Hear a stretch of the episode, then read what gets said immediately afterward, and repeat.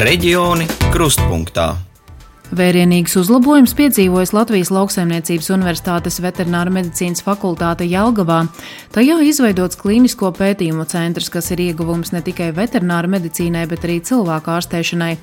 Pētījumu centrā izveidotas arī divas laboratorijas gan embriju audzēšanai, gan siltumnīca efekta radošo gāzu pētniecībai. Zinātnieki, kas strādā pētījumu centrā, laika gaitā iegūtā zināšanas pārnesīs tālāk arī uz veterināro praksi, bet kāda situācija šobrīd ir ar veterinārārstiem, arī par to šajā reģiona kruspunktā raidījumā. To pēc Latvijas radio viens pasūtījuma veido RTV Elīna Lapiņa un Mareks Ēķis. Kopš pagājušā gadsimta 60. gadu vidus, kad no Rīgas uz Jelgavu uz jaunas būvētu ēku pārcēla veterināra medicīnas fakultāti, būtiskus remontdarbus tā nebija piedzīvojusi. Principā bija nu, kā no 60. gadiem. Nu, jūs varat iedomāties, kā tas nostīt 60 gadu laikā, gluži ne, bet nu, tuvu tam, kā tās telpas bija nolietojušās, un, protams, arī energoefektivitāte un Tas viss bija zem katras kritikas. Tā situāciju līdz šim apraksta veterināra medicīnas fakultātes dekāns Kaspars Kovaļenko. Pēdējās desmitgades laikā blakus fakultātei gan attīstīta moderna veterinārā klīnika, bet vairākos mācību un pētniecības korpusos atjaunošanas darbi noslēdzās vien decembrī. Ir īstenots energoefektivitātes uzlabošanas projekts, izremontēti kabineti un mācību telpas, iegūtas jaunas mēbeles un tehnika. Liels ieguvums ir izveidotais klīnisko pētījumu centrs. Radās ideja, ka šo klīnisko pētījumu centru vajadzētu izveidot, jo mums ar vien ciešāk un ciešāk sadarbība veidojās ar um, Dr. Safe Train. Um, tas ir um, fonds, kas ir dibināts starp uh, Latvijas Lauksaimniecības Universitāti un Rīgas Tradiņu Universitāti. Jā, restīvi veids šis fonds veids apmācības ārstiem. Tātad ārsti mācās uz dzīvniekiem, veikt dažādas ķirurģiskas manipulācijas, kas ir sarežģītas, bīstamas ķirurģiskas manipulācijas un, attiecīgi, nu, pieņemsim, trombu izņemšana no smadzenēm. Tāpēc šie trombi tiek ierosināti cūkām, un pēc tam jau ārsts eh, nu, vai ārsti pareizāk eh, mācās šos trombus, izņemt, noteikt, noteikt un izņemt. Nākotnē mēs paredzam arī ortopēdiskās dažādas eh, ķirurģiskās manipulācijas, kur ārsti varēs mācīties galvenokārt uz aitām, visticamākais. Jo nu, pasaulē šīs aitu mm, ortopēdija, mm, tāda varētu teikt, varētu nosaukt par aitu ortopēdiju, viņa ir daudz maz pielīdzināma cilvēku ortopēdiem. Līdz ar to tās praktiskās iemaņas ir nu, diezgan vienkārši pārnesamas uz cilvēku medicīnu.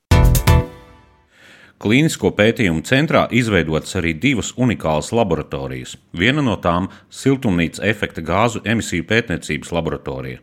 Tajā ir divas biokameras, kurās var turēt dažādu sugu lauksaimniecības dzīvniekus, sākot no maza cāļa līdz pat govī, nodrošinot viņiem visus nepieciešamos dzīvošanas apstākļus, tostarp temperatūru, gaisa mitrumu, skābekļa daudzumu.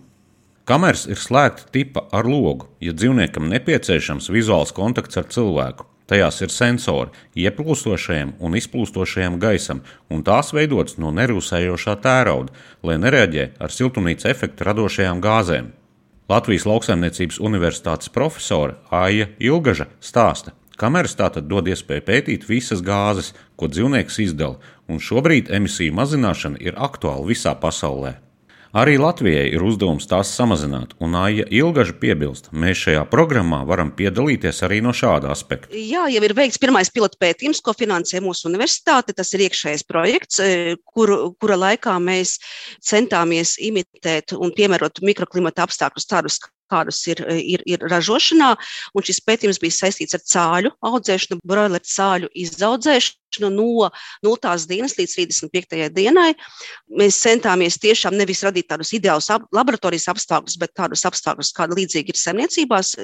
Mēs sadarbojamies konkrēti ar, ar agrofirmu Ķekava un imitējot šos apstākļus, kāda ir, kāda ir saimniecībā, gan dzīvnieku biezumu, gan arī diennakts režīmu, temperatūru, mitrumu, visu kāds tas ir. Mēs varējām imitēt, bet jau kontrolētos apstākļos e, pētījumus ar cāļiem. Un ir veikti trīs atkārtojumi. Es teikšu, ka ir ļoti pozitīvi rezultāti e, un ir, ir, ir panākts gan šo apstākļu atkārtojums, kas mums parāda to, ka šīs biokameras strādā, ka mēs varam kontrolēt šos mikroklimata apstākļus, tādus, kāda mums vajag un kādi ir piemēroti dzīvniekiem.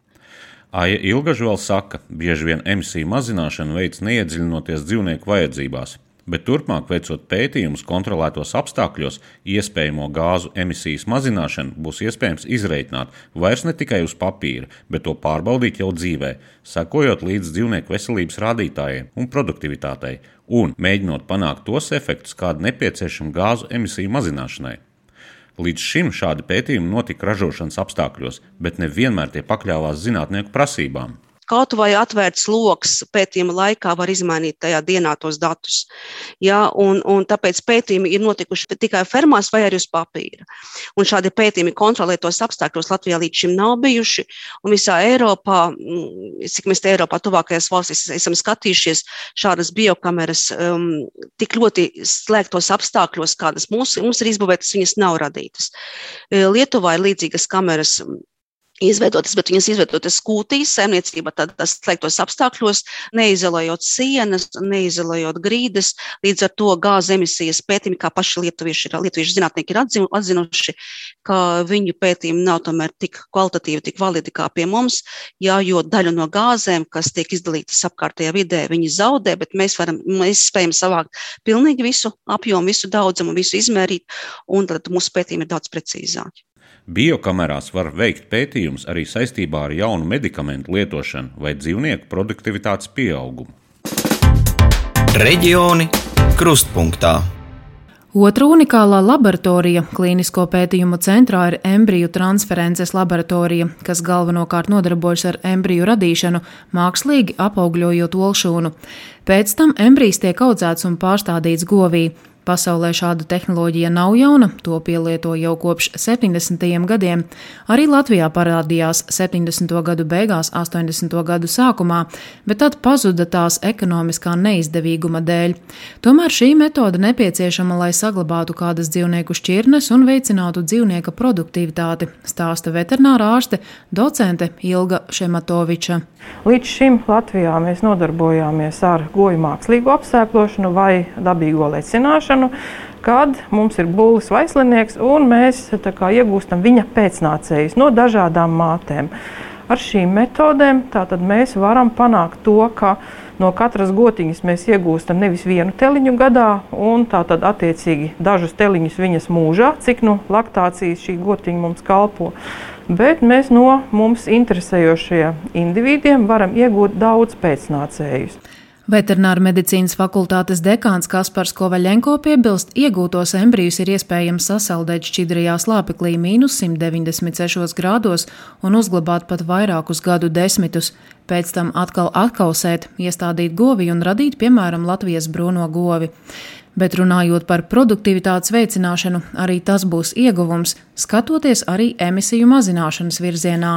Veicinot produktivitāti, mēs mazinām arī to pašu siltumnīcas gāzu emisiju lauksaimniecības dzīvniekos, jo mums ir augstsražīgāks dzīvnieks, jo patiesībā uz vienu saražoto šo produkcijas kilogramu šis izdalītais daudzums ar, ar siltumnīcas efektu radošajām gāzēm ir būtiski nu, nebūtiski, bet mazāks nekā, teiksim, mums būtu jātur divas govs, kuras arī patērē, patērē enerģiju tikai lai uzturētu savu siltumu vai vienkārši elpotu un dzīvotu un nodrošinātu bioloģiskos procesus.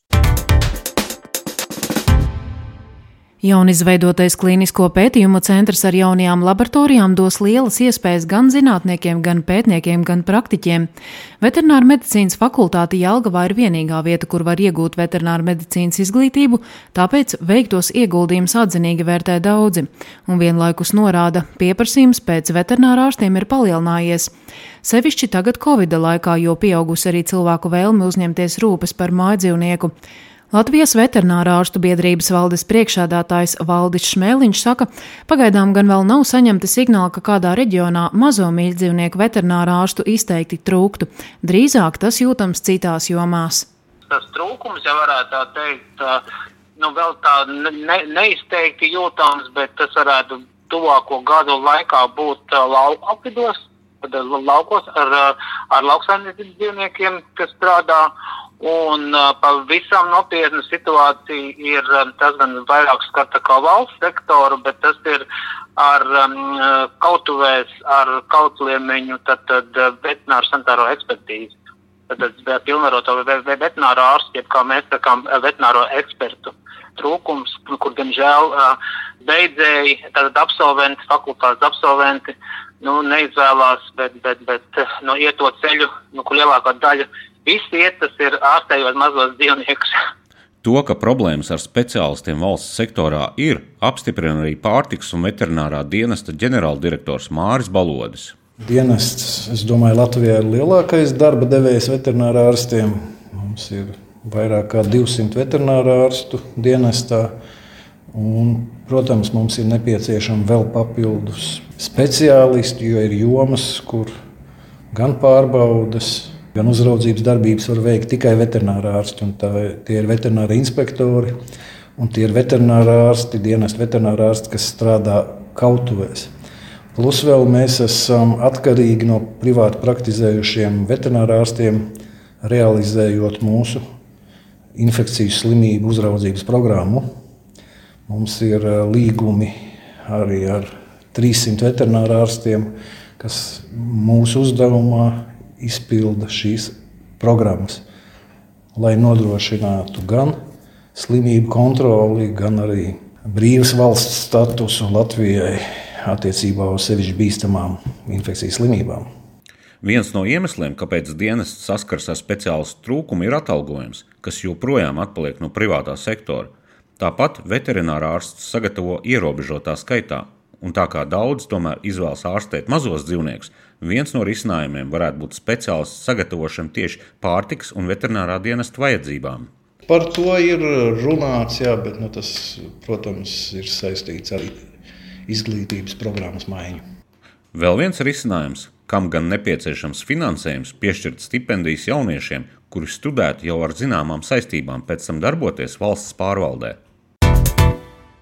Jāatzīst gan, ka ar veterinārā ārstu trūkumu saskars arī pati Latvijas lauksaimniecības universitātes veterinārā klīnika, un ieraugās uz situāciju kopumā, tad jūtams, ka atsevišķās jomās trūkst arī noteikta spektra speciālisti, piemēram, rentgenologi, ķirurgi un citi.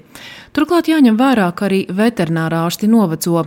Kopumā veterināra medicīnas fakultātī gadu var uzņemt 117 studentus, no tiem 75 ir vietējie, pārējie ārzemju studenti. Bet, ja runā par vietējiem, veterināra medicīnas fakultātes dekāns Kaspars Kovaļenko piebilst, pēc sešiem gadiem studijas pabeidz vien ap 40. Ir studenti, kas atnāk, viņam liekas, ka viņš būs veterinārārsts, un viņam nu, visas jāsaka, īpašības ir, lai tādu, par tādu kļūtu.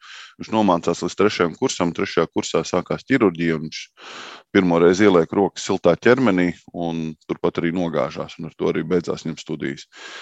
Nu, tas pats arī students arī jābūt veterinārās, bet nu, daudz pirmajā kursā jau anatomijā, kas sākās darbs ar, ar, ar šiem mīkstiem audiem, ar līķiem, tur arī paliek daudzi. Nu, ne daudzi, bet nu, ir, ir daži studenti, kas vienkārši nu, to psiholoģiski nevar izturēt. Nu, viņi arī tā ir spiest pamest studijas. Studēt gribētāji ir vairāk nekā ir iespējas tos uzņemt, bet tā kā vērojams tik liels atbirums, lai jau sākumā vēl stingrāk atsijātu tos, kuri potenciāli nevarētu izturēt līdz galam, plānots ieviest iestāju eksāmenus. Iespējams, šāda tendence saistām arī ar to, ka skolās daudzi skolāni izvēlas humanitārā zinātnes, nevis iet bioloģijas un ķīmijas virzienā.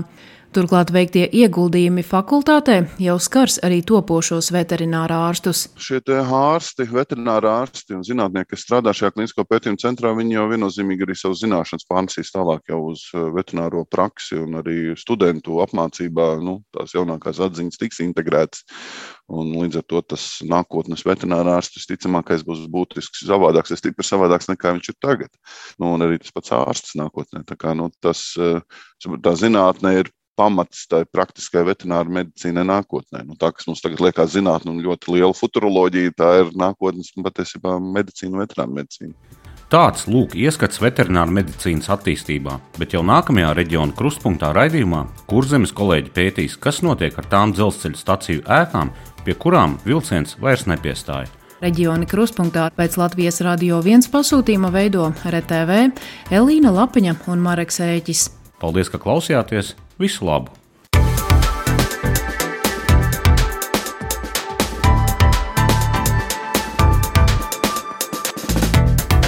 Reģioni krustpunktā.